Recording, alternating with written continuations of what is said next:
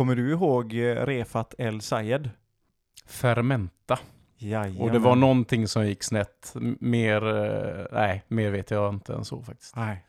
Han trodde ju att han var doktor, det var han inte och så vidare. Men eh, det var inte det jag ville berätta om, om Refat, utan Fermenta var nog min största förlustaffär som jag någonsin har Ja. gjort på Men- aktiemarknaden. Men trodde att han var doktor, alltså var han bara före sin tid och var det han kände att han var?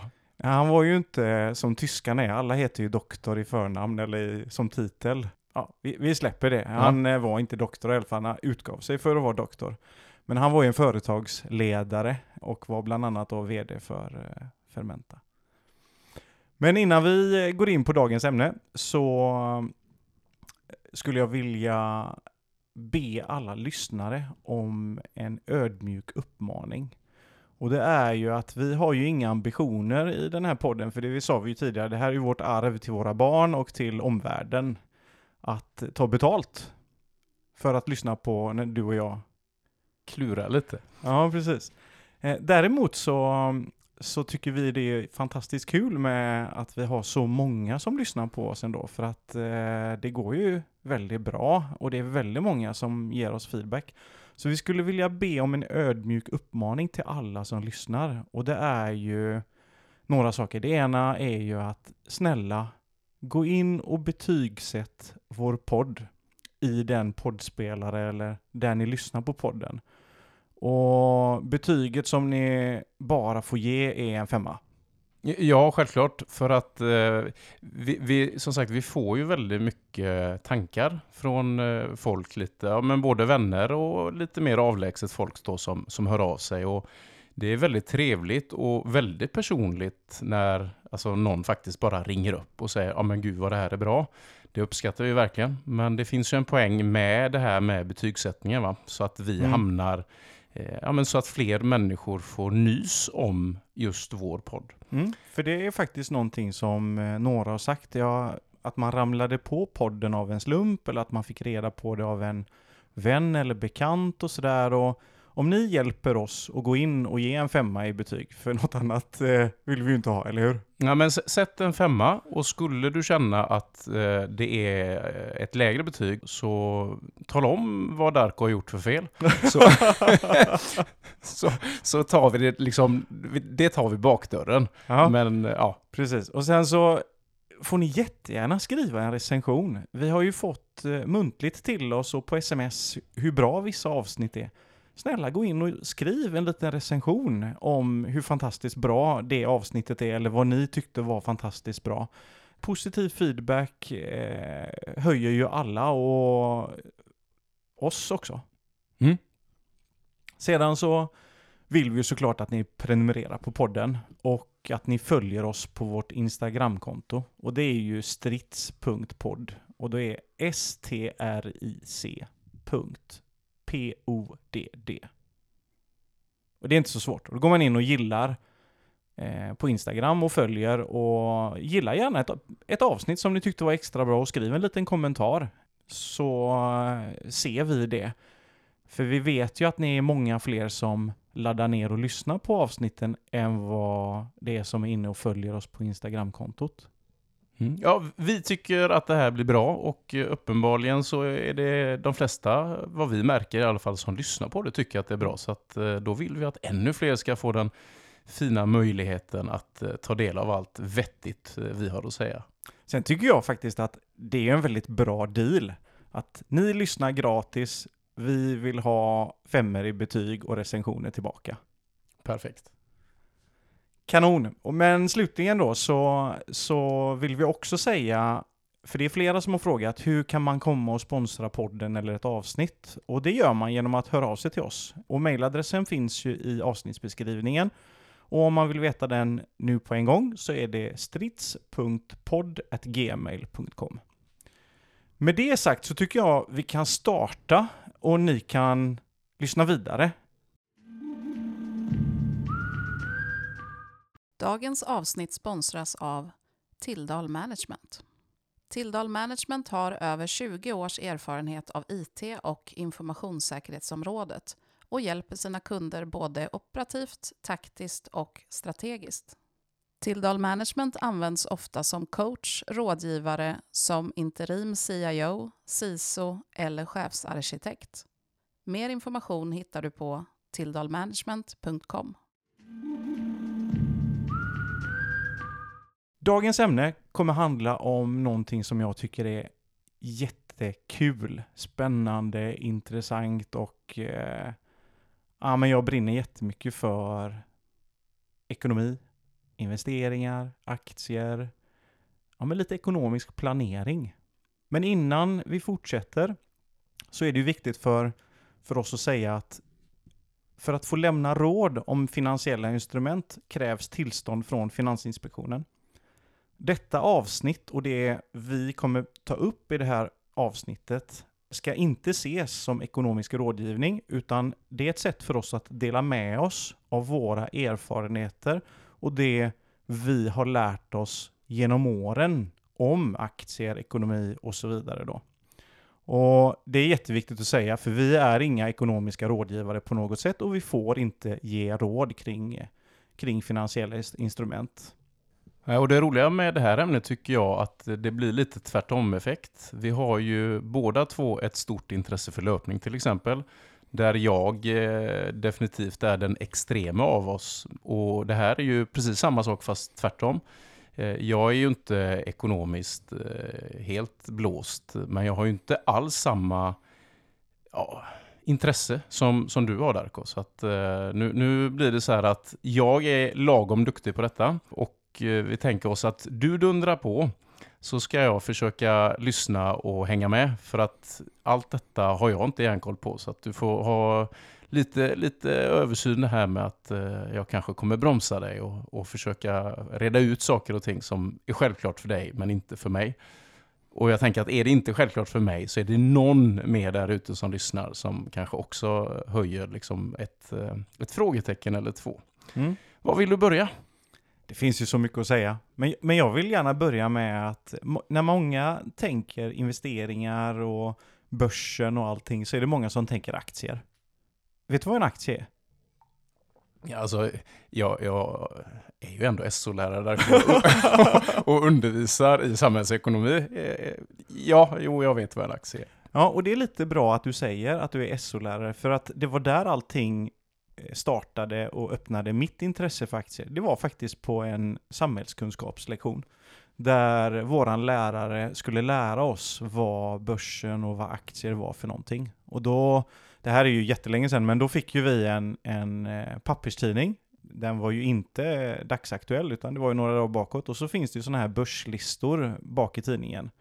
Där vi då skulle liksom välja ut ett antal aktier som vi fiktivt skulle följa under eh, ja, men ett antal månader för att se lite hur de har gått.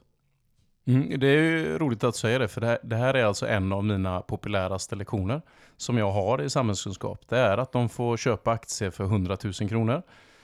Och det här brukar de få göra någonstans i december i nian. Och Eh, sen så samlar jag in vad de har. De har ingen aning om vad de gör liksom. Nej, men, men... och det hade, inte jag, det hade inte jag heller på den tiden faktiskt. Och så går vi igenom det då, vad det innebär med aktier och det här med möjligheten att de kan gå både upp och ner. Och så har de glömt detta lagom till slutet av maj. Mm. Och då plockar jag fram de här grejerna och så mm. får de ju kolla hur det har gått då. Mm. Och en del av dem, och det är långt ifrån alla, men en del av dem tar ju numera då att de tar kort på den här lappen som de lämnar in till mig och faktiskt följer utvecklingen under det här halvåret. Då. Gud vad roligt. Eh, ja, och det är ingen snack om att de tycker på riktigt att det är väldigt, väldigt roligt. Mm. Och det var där mitt intresse startade. Jag kom tvåa i den tävlingen. Jaha, och jag, ja. hade, jag hade ingen aning om vad det var för bolag jag hade valt ut. Det enda jag gjorde, och som många gör till en början, det är att titta på den historiska eh, kursen. Vad har den varit som lägst under året och vad har den varit som högst under året? Och så tittar man på den ja, men hyfsat aktuella börskursen då i den här tidningsurklippet. Och så tänker man, ah, den här har gått ner mycket, det borde vända. Mm.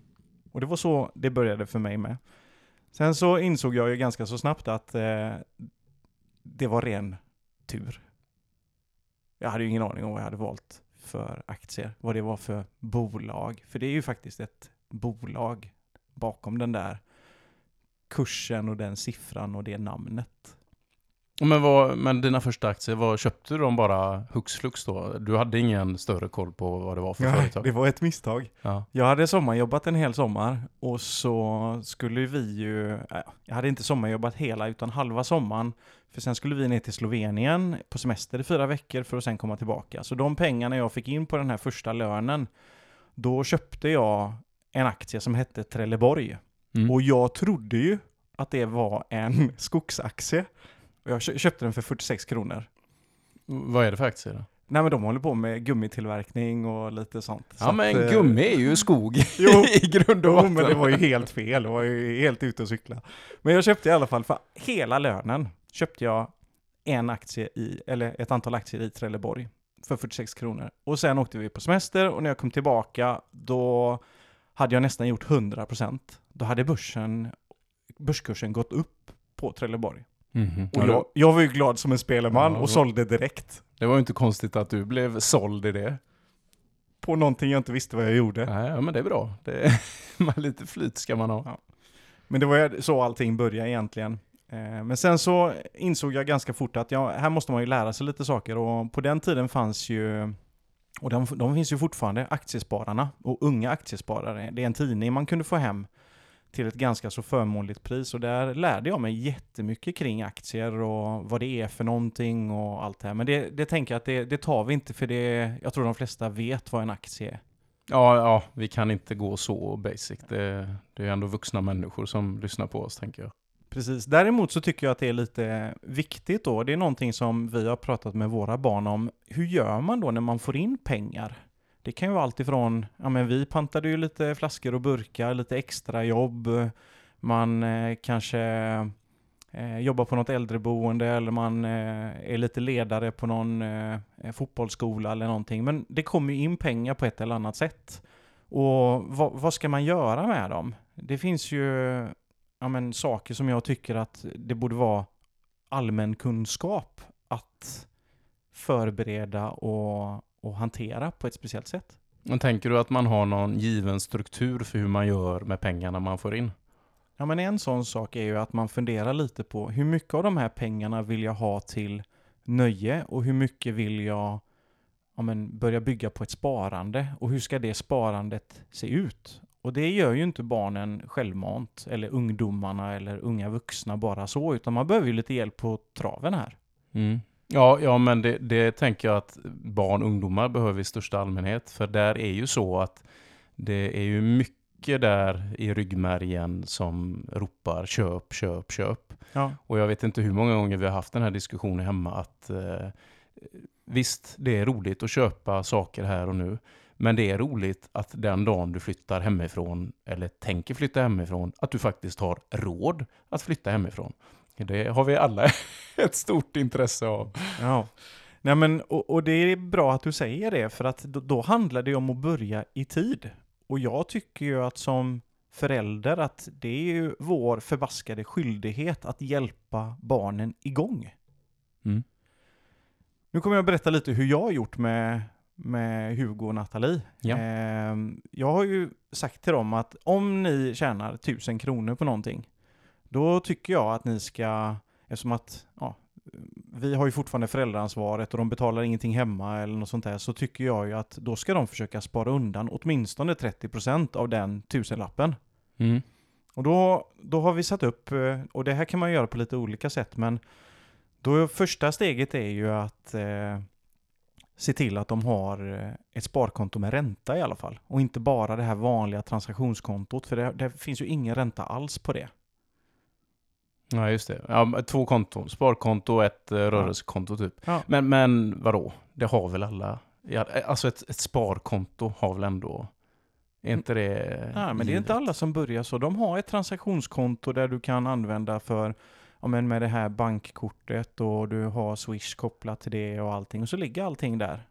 Men vad, då tänker jag så här spontant då. Vad är vitsen med det här sparkontot för dem? Är det egentligen bara för att de inte ska ha eh, det helt och hållet tillgängligt då? Eller, Ja, för jag, räntan är ju, nu har visserligen räntan gått upp, men det är ju inte mycket till ränta där i alla fall. Nej, det här är lite kul att du säger så.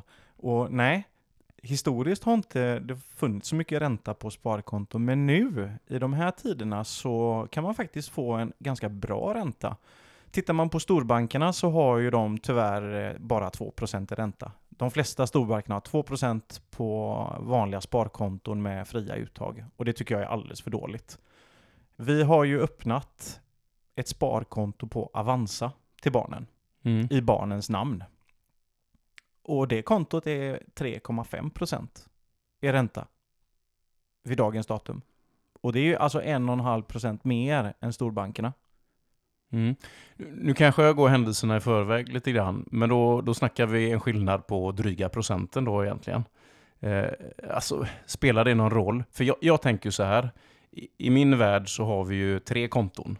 Eh, Vi har ju då deras rörelsekonto, vi har ett litet sparkonto. Men framförallt så slänger vi över barnens pengar i ja, ett fondkonto. Då. Mm. Och då tänker jag att det där sparkontot, det är ju inte jättemycket pengar som ligger där. Nej. Och jag menar jag den där procenten, det spelar väl ingen roll eller? Jo, det gör det. För det är så här, vi kommer komma till det lite längre fram här i programmet, men jag tycker att man ska ha Eh, en, en princip att fördela pengarna åt tre olika håll som kommer in, de här 30 procenten. Jag tycker ju till exempel att till exempel då 10 procent borde gå att man köper och säljer och lär sig lite om aktier och gör lite misstag. 10 procent tycker jag att man ska eh, investera i, en, i någon form av fond. Och det kan vara någon fond som man tänker det här är lite spännande, typ eh, en teknikfond eller en fastighetsfond eller någonting. Och 10% tycker att man ska investera i en mer en, en bättre fond med mindre risk, till exempel en global aktieindexfond som sprider riskerna mycket, mycket mer än en specifik aktiefond, till exempel mot fastighet eller teknologi. Men kräver inte detta ett specifikt intresse för detta? För jag, där är ju skillnad på det med, jag har ju inga aktier. För att jag, jag är inte så intresserad av att lägga den tiden som jag utgår ifrån att jag skulle behöva göra för att vara aktiv med aktier. För eh, det är väl ändå så att håller du på med aktier, då behöver du vara lite aktiv. Så är det, och du måste ha ett intresse. Sen måste du också veta lite vad det innebär att du investerar i en specifik aktie. För det du gör, det är att du investerar i ett specifikt bolag och tror på och hoppas att det bolaget ska gå bra. Medan investerar du i en fond, då köper ju fonden aktier i många olika typer av bolag och branscher och på så sätt så minskar du ju risken. Du är inte lika exponerad som du är i om du köper en aktie mot ett bolag. Du, du exponerar ju din risk mot många, många fler bolag i en fond. Mm. Och det är därför jag tycker det är väldigt mycket skönare med fonder. För jag hade ju aktier en gång i tiden och jag minns ju att eh, det var ju in på 200 på text-tv. Eh, var och varannan dag, eller rättare sagt var och varannan timme faktiskt. Och jag märkte ju att det var ingen bra grej för mig. För varje gång det lyste blått, då blev Mm. jag lite irriterad. Så att efter Och då hade det gått ner. Ja, ja precis. Ja. Utan man vill ju ha det där gula. Och hålla Mm. på och kolla på det så ofta som jag gjorde, det märkte jag att jag, jag mådde ju inte bra av det. Så att till slut, och nu vet jag inte hur många år det tog, så beslutade jag mig ändå för att nej, nu lägger vi ner den här skiten. För att jag vill inte vara så aktiv av flera olika skäl. Så att tjopp, fonder och så får det vara bra. Titta till dem några få gånger per år brukar innebära att man oftast blir ganska så positivt överraskad. Ja, och där tycker jag du gjorde helt rätt. För du har inte det intresset som många andra har. Men om man har lite intresse, då tycker jag faktiskt att man inte ska välja det ena före det andra. Utan jag tycker att man ska... Det här, det här låter konstigt, men jag tycker att man ska ha kunna leka lite och prova sig fram och göra misstag och förlora lite pengar och tjäna lite pengar på enskilda aktier. För det är lite kul, för man lär sig ganska mycket vad, vad som händer med börsen och vad börsen påverkas av rent samhällsekonomiskt och, och även geopolitiskt. Ta till exempel de här, vi har ju krig i världen idag. Det finns ju några aktier som har gått riktigt bra under den här perioden. Mm. Saab, bland annat. Ja. Det är bara att gå tillbaka och titta när eh, kriget i Ukraina bröt ut, vad som hände med Saab-aktien. Men Darko, du tycker det alltså är okej att satsa pengar på ett företag som eh, producerar krig? Om vi bortser från vad de, vad de har för värdeerbjudande och vad de gör, så är det här bara ett sätt att förstå hur samhället och ekonomin hänger ihop. För tittar man på, det är många som läser Dagens Industri till exempel och lyssnar och, och läser på vad analytikerna tycker om ett bolag hit och dit. Det återspeglar ju inte aktiekursen överhuvudtaget, utan det är andra saker som påverkar. Allt ifrån att Nej men analytikerna trodde ju att det skulle gå upp mer än vad det gjorde årets resultat och så gjorde det inte det. Fastän de gjorde 2 miljarder i vinst så dyker börskursen. Det jag vill säga här är ju att börsen är inte ett likamätstecken till hur företagen går. Och därför är det här ett bra exempel Ja. på ja men Saab till exempel, om vi nu ska ta dem som, som ett exempel då. Och då kan man ju fundera på, okej, men eh, finns det andra bolag som, som har gått sämre nu med den världssituationen vi har med höga räntor och allting? Och det finns det ju. Fastighetsmarknaden, fastighetssektorn har ju dykt Mm. på grund av höga räntor. Och det beror ju på att många av de här fastighetsbolagen är hö högt belånade. Alltså de har mycket lån för att driva sin verksamhet framåt och då påverkas de ju. Och sånt här behöver man ju lära sig att förstå det tycker jag man lär sig ganska bra om man har några aktier. För då, då jag menar som Hugo, han kom till mig, han fattade inte varför en aktie helt plötsligt bara störtdök. Och då sa jag till honom, men har du sett vad som har hänt i världen, vad det kan bero på? Och då fanns det två, tre olika faktorer som kunde spela in. Så det är ett sätt att lära sig. Mm. Däremot så håller jag med dig om att är man inte intresserad, ja men då tycker inte jag man ska ha aktier heller. Det är bättre att köpa en fond eller en global indexfond eller kanske ännu bättre ta hjälp av en fondrobot. Men dit, vi kommer till det lite senare.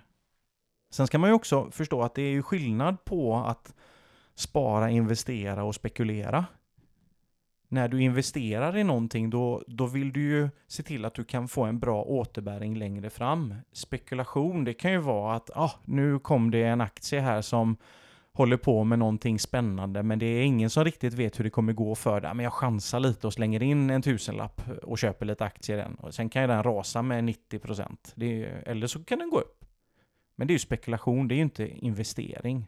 Ja, och investering, då är det ett mer stabilt företag då, tänker du? Eller? Ett mer stabilt företag som kanske har en bra avkastning och med det menar jag att de kanske har en utdelning varje år som är, en, för då, det kan man ju se när man går in på Nordnet eller Avanza eller någonting så kan man se hur många procent utdelning de ger eh, varje år till sina aktieägare. Och det är som en extra utbetalning. Eh, och där finns det ju jättemånga aktier som under många, många år, även i dåliga tider, har gått bra. Alltså bolaget har gått bra, de har en stabil ekonomi och därför kan de dela ut lite pengar till sina aktieägare. Det tycker jag är eh, någonting att titta på. Och det glömmer man ofta av. Och tittar man på techbolag till exempel, det är väldigt få som har utdelning överhuvudtaget. Och det beror på att eh, dels är de hö- högre belånade än andra stabila bolag och sen är det också att man hoppas och antar att de bolagen ska gå riktigt, riktigt bra. Så alla, alla aktiebolag har inte utdelning. Så är det. Och de som har utdelning, är det en gång om året då? Nej, det var så förr. Då fick man utdelning en gång om året och vissa bolag har tagit det beslutet att man delar ut utdelning en gång per år. Men det finns ju bolag som delar ut utdelning en gång i månaden eller en gång i kvartalet. Så det är ju upp till företaget hur ofta de vill dela ut sina pengar till eh, aktieägarna. Mhm. Finns det någon generell praxis till hur stor den här utdelningen är i förhållande till aktieinnehav? Eller är det helt och hållet... Ja, men jag, jag fattar ju grejen med att aktieägarna ska ju ha en del av vinsten. Mm. Men om jag då ska köpa aktier och kanske ska ha ett litet extra kik mot just utdelningen, kan det vara stor skillnad? Det kan vara jättestor skillnad. Och det är därför jag tycker att man ska titta på aktier som har gett utdelning under många år och inte kanske bara en gång. För då kan det vara att de precis har avyttrat en verksamhet och så vill de dela ut lite extra till aktieägarna men sen blir det inte så mycket mer de andra åren. Utan jag tycker att man ska titta på bolag som har gett utdelningar under många, många år. För det är finansiellt stabila bolag som går bra och som tjänar pengar. Mm, Okej. Vad har vi något mer om just aktieköp? Ja, men det är ju ganska enkelt att komma igång nu för tiden. Det var ju värre förut. Eh, och framförallt nu när de här investeringssparkontona har kommit upp. Och det innebär ju att Dels är det enkelt att köpa och sälja och courtaget, alltså avgiften för varje köp och säljtransaktion, är relativt billigt. Och har du, som till exempel på Avanza då, mindre än 50 000 i pengar och investerat kapital, då är det mer eller mindre gratis att göra affärer. Mhm. Och dessutom det här investeringssparkontot, då slipper du allt bök när du ska deklarera sen. För det sköts ju per automatik. Du betalar en liten procentsats och så är det förtryckt på deklarationen. Du behöver inte göra någonting. Nej, och jag ska ärligt säga att det där har jag inte fattat eh, fullt ut. För att när du säljer aktier eller fonder eller vad det nu kan vara, då, då behöver du skatta på det. Är det investeringssparkonto man har när man slipper den där skatten eller? Ja, För att du liksom betalar det lite För då- grann i förväg? då betalar man en schablonsränta eh, istället. Det är det som allting går ut på Men, egentligen. men finns det någon ekonomisk vinst i det? Alltså, jag antar att det ändå borde gå jämnt ut, men att det handlar om att slippa betala den där skatten den dagen man säljer. Eller vad, är grejen? Vinsten är ju om du är en person som gör ganska mycket affärer under året kontra om du inte gör det så ofta. För gör man inte det så ofta, ja, men då kan du ha en aktiedepå, men det är nästan aldrig någon som har det längre för att då, då får du ju då får du skatta på deklarationen för dina vinster och du, får, du kan kvitta vinst mot förlust lite beroende på vad du har haft för, för affärer och sådär. Och då, då blir det helt plötsligt ett motstånd till att göra och gå in på börsen och, och köpa aktier eller fonder. För det funkar exakt på samma sätt med fonder. Har du fonder via en, ett investeringssparkonto, då sköts allting det där per automatik. Nu har vi haft lite fokus på barnen eh, och där är väl ändå så att de kan sälja själva, men de kan inte köpa själva från sitt konto. Eh, Jag har för mig att de inte kan köpa och sälja aktier. Däremot så kan de eh, köpa fonder. Jaha, okej. Mm. Och nu pratar vi om barn under 18 Ja. år. Sen så öppnas det upp, de har någon spärr där. Jag kan inte den i detalj så jag är lite rädd för att jag kanske säger lite fel här. Mm. Men är vi på väg in till fonderna här nu som jag Mm. eh, har lite större värme inför?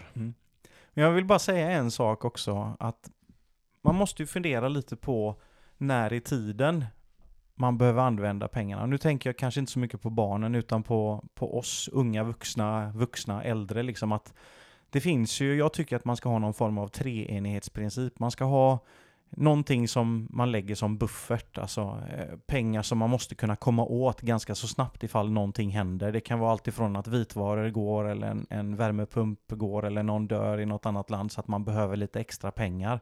Den typen av buffert, det är ju sparkonto som gäller. Mm. Eh, jag tycker det är jätteviktigt att säga att man kan inte lägga allting i en fond, för det tar lite tid att sälja en fond och sen har fonden gått ner, ja då kanske inte det är rätt läge att sälja eller en aktie har gått ner. Så jag tycker man ska ha ett sparkonto för det man behöver ha lättillgängligt och då menar jag 0 till 2 år. Och hur mycket pengar är rimligt att ha på det sparkontot? Eller är det väldigt individuellt beroende på vad det är för liv man lever så att säga? Men det där är lite den gyllene frågan, för det är ju lite bero olika från familj till familj. Det finns ju vissa som säger att ja, men du ska kunna ha eh, tre månaders lön på i ett en buffertkonto. Det finns andra som säger att du ska kunna klara det en månad och det finns vissa som säger att ja, men ett halvår borde du ha i buffert ifall något händer. Så det är väldigt individuellt och vad man har för typ av ekonomi och, och hur, hur det ser ut. Så Mm. att eh, det finns ingen sån gyllene regel. För, för där finns ju någon, eh, någon regel. Va? Jag var hade ju lite med Försäkringskassan att göra i somras i och med att jag var sjukskriven. Och det, var, det blev lite lustigt där tyckte jag för att eh, de där pengarna som skulle komma från Försäkringskassan, Mm. de kom ju inte. Nej. Och jag vet inte om de har någon tre månaders regel att, att det är inom det spannet de måste leverera pengarna. Ja, betala ut. Ja, men jag, det, jag tror att det tog drygt fyra månader. Och då Mm. tänkte jag just detta, ja men gud vad, vad, vad skönt att vi inte stod och full med de pengarna. Ja. Och, och att, ja men det finns ju faktiskt folk som hade fått jätteproblem Ja. om de pengarna inte hade kommit. Och det är därför jag tycker att man ska dela upp, om man nu säger att man har en, eh, det är inte alla som kan spara 30% av sin lön, men mellan 10 och 30 beroende på vad man har för situation. Att av den procentsatsen som man sparar så tycker jag man ska dela upp den i tre delar. En buffert på kort sikt, sånt som du måste kunna komma åt ifall någonting händer. Nästa eh, del är ja, men mellanlång sikt, typ 2 till 5 år, eh, som man lägger runden till. Och, och ett sparande på lång sikt, plus 10 år och framåt. Men är det givet att kunna spara jämt? Ja, det skulle jag vilja säga. Även om det är 100 kronor. Så tycker jag det är jätteviktigt. Och vi kommer komma nu lite till det som många hajar till på. Jag vet att du och jag, när vi pratade lite om det här med ränta på ränta och eh, olika varianter, vi kommer ju till fondavgifter och lite sådana saker, hur, hur det kan se ut framåt liksom. Eh, men jag tycker definitivt att man ska lära barnen och har man som vuxen inte startat att spara, det är aldrig för sent. Det viktigaste är att man hela tiden sparar. För tittar man på vad många gör när det börjar bli lite trögt i ekonomin eller när lågkonjunkturer kommer eller när någonting geopolitiskt händer. Då är det många som får det lite tufft. Och det är ju, så är det av, av sakens natur. Mm. Då kan man kanske istället för att sluta månadsspara så drar man ner kanske lite på månadssparandet. Säg att man har sparat 500 kronor i månaden. Eh, men gå ner till 100 då. Men fortsätt spara. För det är ju under de här perioderna du kan få den här hävstångseffekten när det väl sen vänder. Oavsett om du köper aktier, fonder eller någonting annat. Mm. För, ja, det, för det som många gör fel, det är ju att ja men ta när pandemin kom, då hade jag några bekanta, de, de slängde sig på säljknappen och sålde aktier och fonder och allting. Mm. Vet du vad som hände? De hann ju inte med. De är privatpersoner, de hinner aldrig sälja i tid. Förlusten har ju redan skett. Men vadå hinner med? Hur lång tid tar det då? Alltså från beslut till eh, att det faktiskt... Är det inte bara någon timma? Till du som aktieperson, om du har aktier och ska sälja en aktie så går det ju på, amen, på en sekund. Mm. Men när du har informationen, då har ju redan börsen dykt. Mm. Du hinner inte sälja i rätt tid. Och tittar man på fonder så tar ju det alltid från en till två upp till fem arbetsdagar att sälja. Mm. Jag såg ju på, på ett, en fond som jag hade, som jag har lite som så här spekulationsfond. Den dök ju med 35 procent. Ja, det gör ju lite ont. Ja, det gjorde lite ont. Men då hade vi andra fonder som jag hade lite mer, en mindre risk på. De gick ju också ner, men inte med några 35, utan kanske med 10, 11. Men det jag fortsatte att göra och det jag har lärt mig och det jag skulle vilja lära Darko 15 år, det är ju liksom att för guds skull, fortsätt köp, fortsätt vara med i gamet när eh, någonting händer. För då är man med sen längre fram och ser det långsiktigt. Mm. Vi gjorde ju så här att vi, vi sparade ju som svin där innan barnen kom. Mm. Och det hade mm. ju i grund och botten att göra med att vi eh, bodde i en hyreslägenhet och ville ha för en insats då till ett hus eller något liknande. Men det, det som hände var ju att vi hade tur och inte behövde plocka av de pengarna. Och eh, jag har ju aldrig rört de pengarna. Så att det har ju varit några krascher här nu på de här 20 åren. Och eh, ja, de ligger ju de är ju värda mer nu än vad de var för tio år sedan. Och, ja, det, det, går ju, i det långa loppet så går det ju upp. Det är ju det att de här krascherna är väldigt hemska, jobbiga, men också tillfälliga i, den, i det långa perspektivet, tänker jag. Och det finns en möjlighet. Jag eh, försökte ju lära Hugo nu, han hade ju lite pengar här, och när allting gick ner så sa jag, Hugo, du kan nästan köpa vad du vill nu på lång sikt. Så kommer du göra pengar. Mm. Så då köpte han lite olika aktier eh, och jag köpte också några olika aktier och några fortsatte ner lite till. Men nu har det vänt på ganska många håll, så nu ligger vi duktigt plus, både 15 och 20% redan. Mm, ja, det låter ju riktigt trevligt. Och då kommer vi till en sak då som jag tycker är viktig att säga när det, vi kommer till aktier, för vi ska släppa aktierna alldeles strax. Men man måste sätta en gräns. När säljer jag? För det är lätt att bli girig när man ser att en aktie fortsätter upp, upp, upp, upp. Så tänker jag, ah, lite till, Mm. lite till. Eh, Men sätt en gräns och håll den. Om det är 10% eller om det är 80% eller vad det nu är. Sätt gränsen och när aktien kommer upp dit, sälj. Var inte känslosam.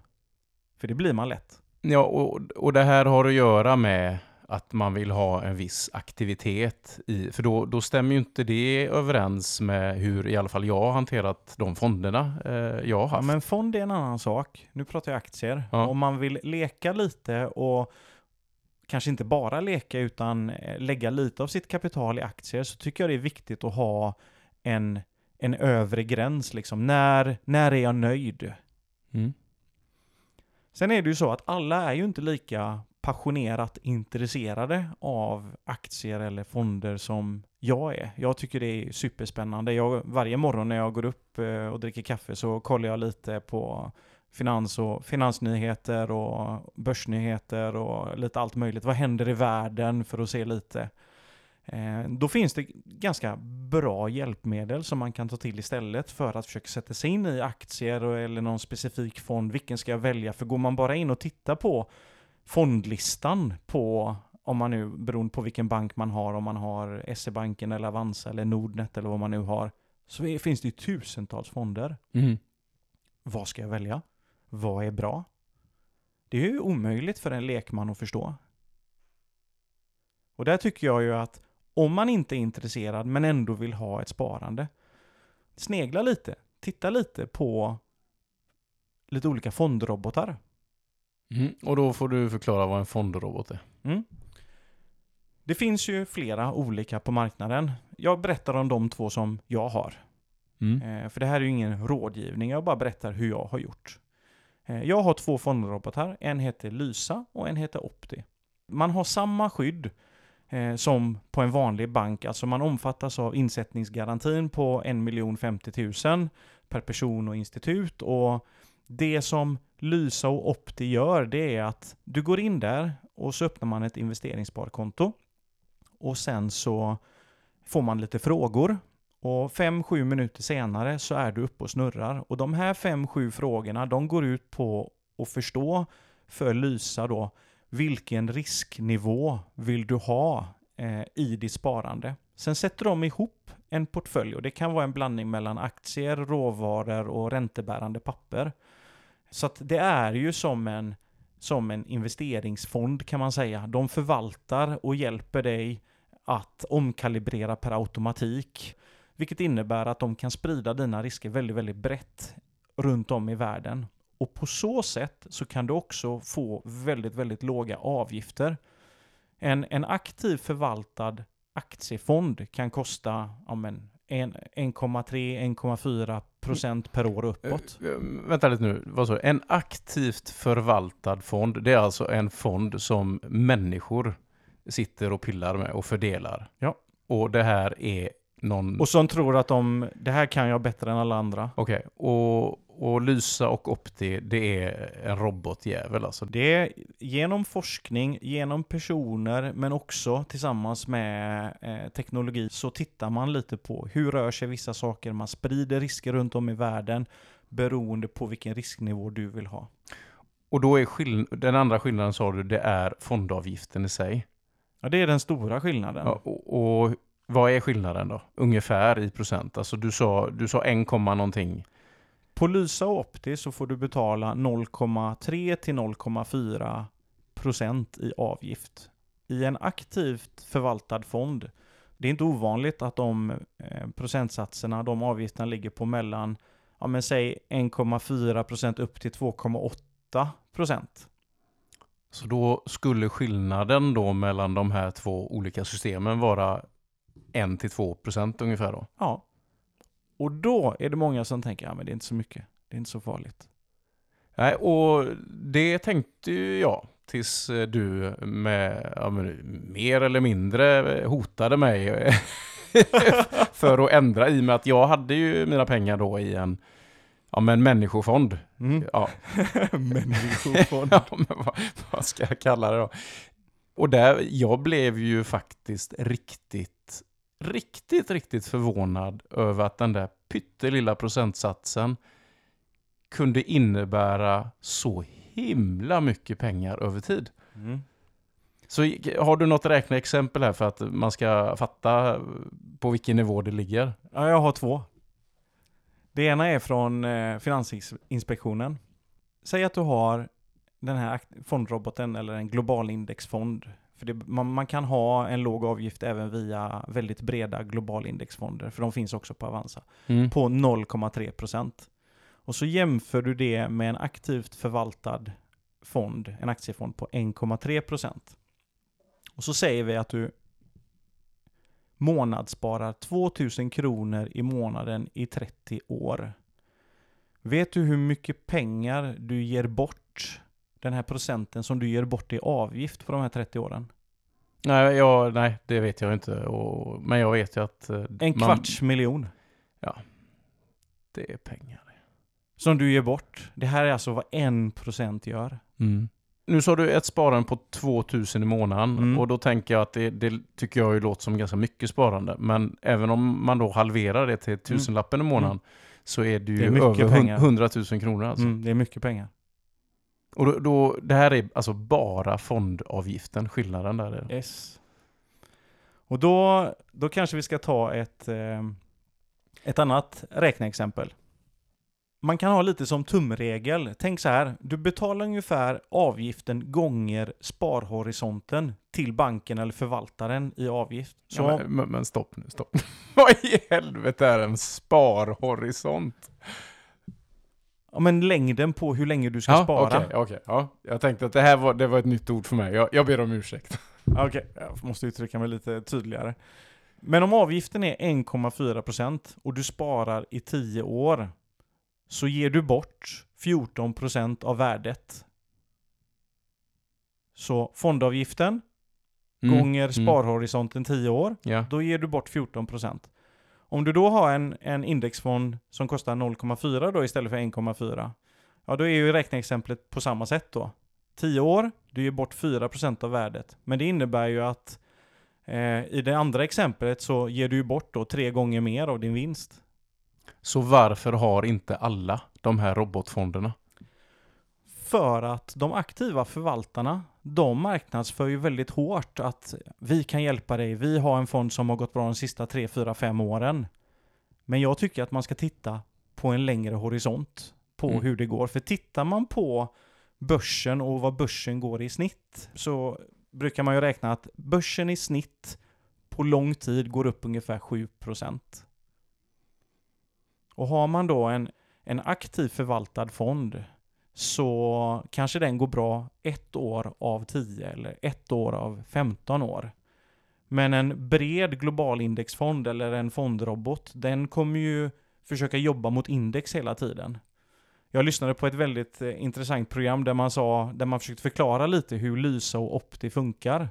Och då säger vdarna för de här två bolagen att vi har aldrig, ja men ta ett sånt här cykellopp, Tour de France till exempel. Då säger de så här att vi, vi har aldrig som ambition att vinna en etapp.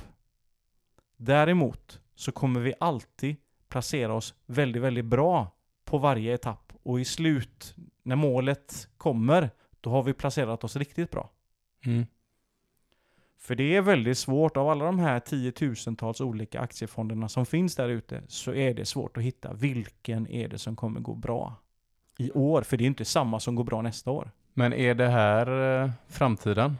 Att eh, människofonderna kommer att avvecklas då tror du? Nej, det tror jag inte.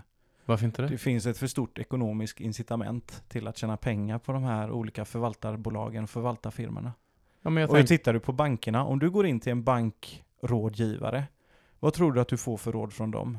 Tror du att du får rådet att den här är den billigaste och bästa, eller tror du att du får rådet utifrån de fonderna som SE-banken eller Swedbank vill att du ska köpa och där de kan tjäna pengar? Jo, men det är jag med på. Men överhuvudtaget, om vi tar influenser och hur människan påverkas eller har påverkats historiskt. Så visst, ibland är det ju uppifrån. Många gånger är det uppifrån. Men ibland kommer ju saker från gräsrotsnivå. Jag tänker att om vi som kunder och brukare blir mer och mer medvetna om detta mm. så borde det inte bli då att eh, ja, men det här klassiska utbud och efterfrågan. Om efterfrågan på de här fondrobotarna blir större och större så tänker jag att det är troligt att andra avvecklas. Sen är jag med på att det finns ett stort, stort ekonomiskt incitament för dem att fortsätta med detta givetvis. Ja, det har ju varit en del rubriker i finanstidningar och det kommer lite med jämna mellanrum där man eh, från väldigt stora kända investerare säger att ja, men, indexfonder är ingenting att ha. Det skulle alla ha indexfonder då skulle hela marknaden kollapsa och så vidare. och så vidare. Det ska nog mycket till, men det, det är lite därför vi gör det här avsnittet, mm. för att få folk att förstå liksom att för guds skull, titta på vad ni har för avgifter. Och titta inte bara på ert sparande, titta på Premiepensionsmyndigheten, alltså PPM och ITP och företagssparande. Titt, se över vad ni har för avgifter på alla de här olika fonderna och titta lite på vad ni betalar i avgifter, för det blir mycket pengar. Mm. Bara för att klargöra, indexfond.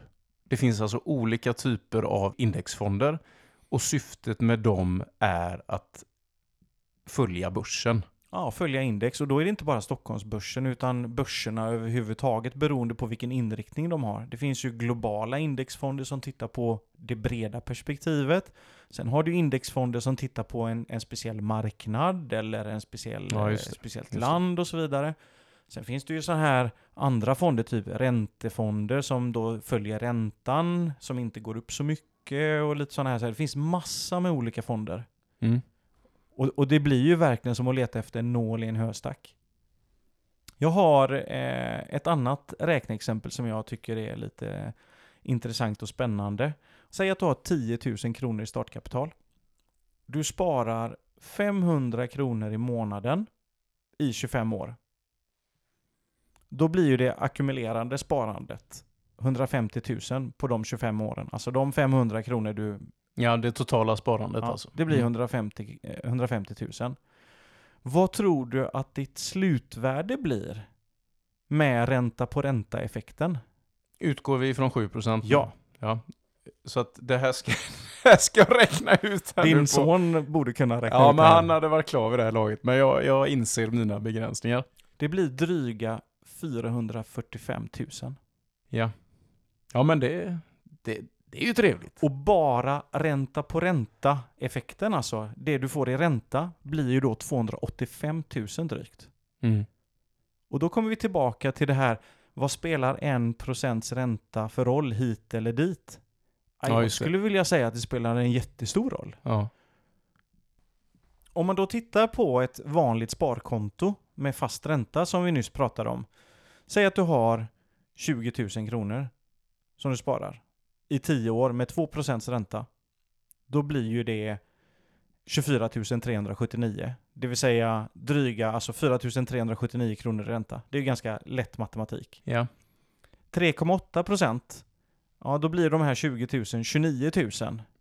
Och då är ju ränta på ränta-effekten liksom eh, 9 040 kronor. Så att de här små procentsatserna, eh, en halv procent hit, en procent dit, det gör skillnad i det långa loppet. Inte kanske på ett halvår eller ett år eller två år. Men på längre sikt så blir det stor skillnad. Därför tycker jag ju att för sparkontot som man ska ha bufferten på, ja men tacka inte ja till 2%. Försök hitta någon annanstans, någon annan bank som, som har en bättre ränta. Jag googlade här precis innan vi spelade in avsnittet och det är ju jättesnabbt hittar du tre, fyra, fem andra alternativ som nästan ger dig dubbelt så mycket som storbankerna.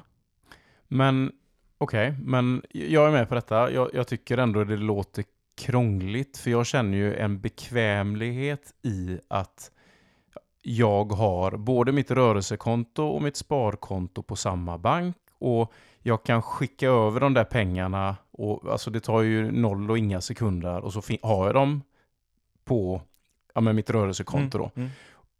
Men det här tar ju inte mycket längre tid. Det tar en halv till en bankdag så kan du flytta över pengarna. Okej, ja det är så pass snabbt ändå. Ja. Mm. Och jag menar, du går ju inte till samma affär och köper löpardojor varje gång. Nej. Och du, du, du går ju ut på nätet och kollar, vad är den här skon billigast den här gången? Mm. Det är ju bra mycket jobbigare än att öppna ett sparkonto på någon annan bank. Det tar mig fem minuter med BankID. Mm. Så även om jag då i mitt fall har pengar på mitt sparkonto men det är inga jättepengar utan det är bara den här bufferten så finns det ju en poäng i att skicka över den för att det räkneexemplet du tog, det var på tre år va? Det var eh, på tio år. Ja, tio år. Mm. Okej. Ja, ja, men det är ju 5000 kronor. Ja, vadå? eh, Det är ju goda pengar. Mm. Och jag menar, jag, det här sparkontot som, man, som jag har per default på min bank, jag har ju knappt en spänn på det kontot. Nej. Utan jag har ju allt annat i en annan bank där jag får nästan, nästan dubbelt så mycket i ränta. Är det någon idé att ens försöka tjafsa med dem om att Nej, få upp nej. eh, den? Det går inte. Nej, de har, de, du kan få högre ränta hos din storbank, men då är ju den kanske bunden. Att du binder kapitalet i tre månader eller sex månader eller ett år. Då kanske du kan få lite mer i ränta. Mhm. Men om du ska ha fria uttag och kunna nyttja det hur du vill, då, då kan inte de, de stora bankerna konkurrera. Men är det då så att de väljer att ha det kvar på det här sättet för att vi inte är aktiva nog eller? För att det är ju inte det att de inte går med plus de här eh, bjässarna. De tjänar ju miljarder, Ja. men de stora förtjänsterna de gör, det är ju på dina bolån. Ja, jo, jo. Och jag kan inte svara på varför de inte försöker matcha. Det är omöjligt att veta. Men eh, jag är inte trogen när det gäller mitt kapital och mina pengar. Utan eh, jag har kollat runt lite. Nu tar jag inte vilken liten spelare som helst. Jag tycker det är viktigt att det finns insättningsgaranti och att det är en hyfsat bra aktör. Men jag menar, ta bara en sånt exempel då från eh, storbankerna kontra Avanza. Där vi har lite, både du och jag har ju lite sparande där. Mm. 2% får du på SE-banken, Swedbank och de här Handelsbanken och de här. Medan på Avanza får du ju 3,5. Du, du nämnde ju insättningsgarantin. Bara för att tydliggöra det. Vad, vad är den på en miljon? Ja, 1 miljon 50 000. Och då är det in, insättning, alltså det är inte vad värdet är på pengarna där, utan du det, det är hur mycket pengar man har satt in. Ja, du har en insättningsgaranti. Så skulle banken gå i konkurs och du har satt in en miljon, då får du tillbaka en miljon. Sen Mm. om det har fortsatt upp efter det, det Ja. de garanterar ju en miljon. Mm. Ja, jag är med. Bra, men eh, blev det lite tydligare i, eh, i eh, de här olika varianterna? Jag inser kanske att det blev lite rörigt med lite allting, men alltså det som, man, det som jag vill ha sagt, det är ändå att se över ert sparande, sätt upp tre olika nivåer av sparande. Buffert, medellång sikt, lång sikt. Är man inte intresserad, titta på olika typer av varianter där man kan månadsspara och där man inte behöver vara inne och titta hela tiden. Du är ju inte så intresserad till exempel, så jag rekommenderade ju dig att titta på Lysa och Opti till exempel. Mm. För att dels få ner avgifterna, ha en bra riskspridning och låta pengarna jobba fram mer pengar i lugn och ro utan att du behöver vara aktiv. Gillar man att vara aktiv, då kan man ha lite aktier som en liten krydda där man kan leka och lära sig lite. Jag tycker det är jätteviktigt till exempel att man lär sig lite. Men är man inte alls intresserad, in med grejerna där och eh, sätt upp ett månadssparande och sen behöver du inte titta på det på ett år. Så kollar du på ett år bara, känner dig nöjd, ja, vi kör vidare. Mm. Och jag för min del tycker ju att det här är, det är ganska tydligt och enkelt och jag gillar väl tanken på att det finns en viss kontroll över vad, jag, jag, vet, jag ser tydligt vad jag har mina pengar, vad som händer med dem och sådär, även om jag försöker att inte kolla så, så ofta. Men det jag tänker på här Darko, det är ju det här med pensionssparande. Och då kan man ju ha då ett privat pensionssparande och det tänker jag ju att mitt sparande i fonderna, Mm. det är ju, Mm. jag ska inte säga att det är ett pensionssparande, men det förutsatt att jag inte rör dem, då blir det ju ett pensionssparande. Men däremot då om vi ska kolla på då det här rent allmänna pensionssparandet så tycker jag ju det är ett jäkla gytter. Alltså Ja. jag orkar inte sätta mig in i skiten ärligt talat och har inte en aning om, ja men jag, jag är med på principen. Men kan, du kan väl dra det om inte annat så för min skull så att det blir tydligt. Staten skickar in pengar till, det är ju det här orangea kuvertet va? Och så förhoppningsvis så har man en arbetsgivare som kör ett sparande med. Ja men det finns ju alltså regelrätta avsättningar som eh, arbetsgivaren måste göra och sen har du ju ditt egna som du kan eh, justera det här PPM. Men kan, Och det kan kan, du- jag där gå välja en robot eller? Nej, men du kan ju välja en, eh, en indexfond istället som har en lägre avgift för det finns ju höga avgifter där också. Mm. Och där är ju AP Sofa är ju väldigt bra att titta på. Eh, Okej, för att där har jag ju, de här valen har jag ju möjlighet att göra både på det arbetsgivaren Ja, puttar ja. in och eh, orangea då. Ja. Så jag har ju till exempel, om jag pratar för mig själv, och för mig blir det ett extra gytter, för jag har ju bytt arbetsgivare ganska många gånger. Så du kan ju, om du tycker det är jobbigt så är det betydligt jobbigare för mig. Ja. Eh, men jag har ju varit inne och tittat noga på vad, vad fördelas mina pengar i? Vilka områden och sådär. Så jag har ju ändrat om lite för att dels ha en lägre risk och jag har ju valt med fördel olika typer av indexfonder och så vidare och så vidare. Ja, ja usch. Ja, du, kan, du, vad gör du imorgon?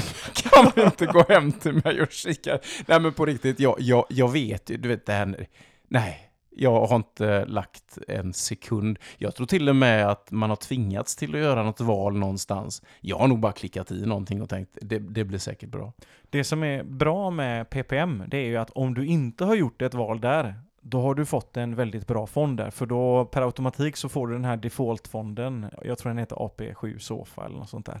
Och det är ju en, en fond med jättelåg eh, avgift, 0,2 eller 15 procent eller något sånt där. Jo, Som- men som går den gått, bra då? Ja, den har gått jättebra. Jaha, okej. Ja, ja, vi får ju kika på det. Du, något annat jag tänkte på här nu i det vi har pratat så har vi nämnt Avanza, Opti och Lysa. Mm. Sk- Skickar vi en faktura till dem sen, eller hur? Ja, vi har ju inget samarbete med, med dem, eh, har vi ju inte. Men eh, så här är det ju att eh, i beskrivningen på det här avsnittet så har vi ju lagt eh, några, några länkar och några koder. Så vill man starta ett eget sparande i Lysa eller Opti i Opti får man halva priset på avgiften och i Lysa tror jag att det är sex månaders reducerad avgift om man använder någon av de länkarna. Och då får ju faktiskt du och jag också lite rabatt om någon använder de här koderna.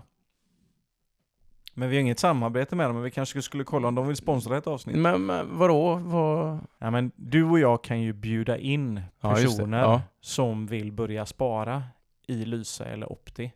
Just det, och då får både de och vi någon liten rabatt där. Ja, precis Mm. på avgiften. Och då är den redan låg, men det gör ju ingenting om man kan få, om vi kan hjälpa varandra lite. Ja, just det. Ja, men det låter ju alldeles ypperligt. Bra, jag känner mig ganska så nöjd.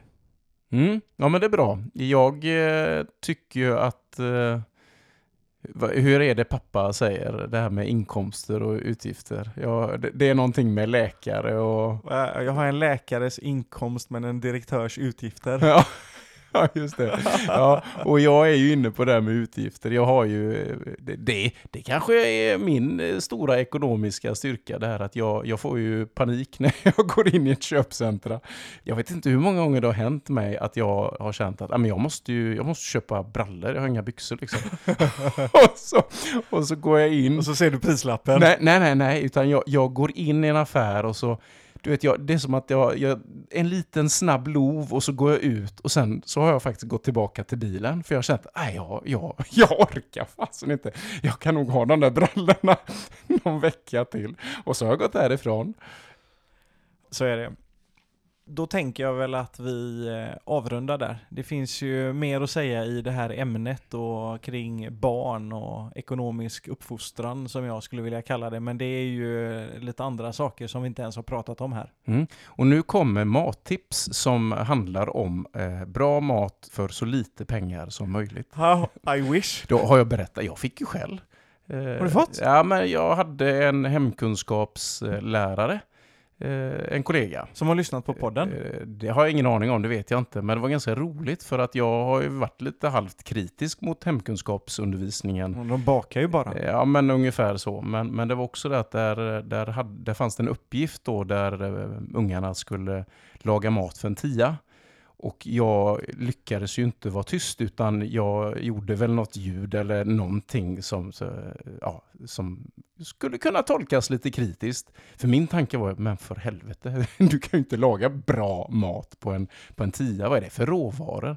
Eh, ja, det var en liten utvikning. Ja, det blev lite infekterat där i några veckor i alla fall. Men var detta nyligen? Eh, vill varken, vad vad är det han säger Hamilton? Jag kan Bekräfta varken, eller dementera på grund av rikets säkerhet? ja, jag kan varken bekräfta eller dementera en sak. Det blir tydligare så. Vad blir det för mat Darko? Nu börjar Nej men nu har vi pratat om pengar och investeringar och aktier och sådär. Det, det, det blir ingen billig mat idag. Nej. Nej men jag var och hämtade en halv eh, kalv förut. Jaha, vad trevligt. Ja, Alltså Vad- vad- fin, finstyckad. Jo, jo, jo, men nej just det. Jag tänker varför får inte jag den andra halvan? Men Nej men du tackar ju nej. ja, jag hade fått lite älg och lite annat smått Ja, och gott. där, Du hade det- frysen full. Just det, Ja. så var det. Nej men jag var och hämtade, vi eh, brukar köpa lite från en uppfödare. Eh, Lokal producent. Lokal producent, ja. Eh, gräsbetande, ekoklassad gård. Eh, så vi, jag var och hämtade en halv kalv och istället för att frysa in allting då så det blir lite kalventrikå blir det. Mm. Ja, det är ju löjligt gott. Och till det så, jag såg faktiskt på Nyhetsmorgon här på morgonen, då var ju någon av de här kockarna som de visar, hon började riva upp lite potatis som hon sen råstekte. Och då tänkte jag, "Nja, jag vill ju att det ska vara enkelt. Mm. Så det blir riven potatis och så kommer jag blanda ner en äggula och så salt och peppar och sådär. Mm. Sen tänkte jag, jag vet inte, jag har aldrig provat, men jag tänkte smörja ut det på en stor plåt. Mhm. Och sen tänkte jag strö över parmesan och in i ugnen. Mm. Det låter Det kanske, gott. det kanske är någon maträtt som typ någon potatiskaka eller vad vet jag. Men, Jaha. eh, Ja. men det tänkte jag göra till. ja, det låter... Vet, jag gillar ju när jag inte behöver stå. Det får Mm. göra sig självt liksom. Mm. Och så till det så blir det kryddsmör med eh, vitlök och persilja. Mm. Ja, gott. Det, är bill- det har gått bra på börsen. Ja. Ja, du då? Ja, eh, ja men eh, enkelt är ju bra. Du vet, det, det är ju ofta sådär när man tittar in i frysen så är det små, små slattar lite här och var, du vet. Någon sån här liten köttbit som, vad ska jag göra med den här? Det blir ju att jag slänger ihop ett, eh, ja men en plåt. Och där kommer det vara eh, nöthjärta, det kommer vara sidfläsk, det kommer vara några korvar och även lite sötpotatis då som jag, jag bara slänger in det. Ser till så att det har ungefär samma storlek. Och eh, faktiskt också parmesan som jag strör över. Jag tror jag slänger in några tomater också. Eh, så blir det som ett täcke med, med osten på. Det är ju sådär löjligt enkelt och så blir Och gott. det ju ja, och så blir det nästan lite ja, men köttbuffé över det hela då, Ja, att man kan ja. ta lite av varje. Eh, Det gör vi lite då och då och det är verkligen hur enkelt som helst och eh, ja, smaskigt. Ja, gott. Och, och man ska inte förringa det, de här småslattarna. Det kan bli väldigt goda grejer. Jag kör ibland ihop någon sån här gryta av massa småslattar och så. Mm. Ah, det blir nog bra. Ibland är det både gris och nöt och något hjärta eller någonting. Mm. Ja, och jag tänker att många gånger så kanske man är lite för, för stel och för enkelspårig i sin matlagning. Jag, jag tänker att många gånger så slänger jag in saker som inte har ja, med maträtten att göra överhuvudtaget. Jag menar häromdagen så hade jag, vi pratade om det i något avsnitt, att när man får massa eh, sky över och sånt där så sparar vi ju givetvis det. Mm. Det är ju inte ovanligt att jag tar, om vi har haft kyckling, och så använder jag det till en kötträtt som en buljong liksom, i någon sås eller något sånt där. För att det ger ju smak. Och, och vad har vi lärt oss av det? Man kan inte vara en slav under recept. Nej, det är viktigt. Jätteviktigt. Fick vi det sagt? Mm. Härligt. Då tycker jag vi rundar av där för Mm. idag och eh, ser fram emot fortsättningen. Och nu vill jag inte vara tjatig, men betyg, En femma. Ja tack. Prenumerera. Sprid Följ. och gilla. Mycket. Stort tack för idag. Smaklig måltid. Smaklig måltid och tack och hej.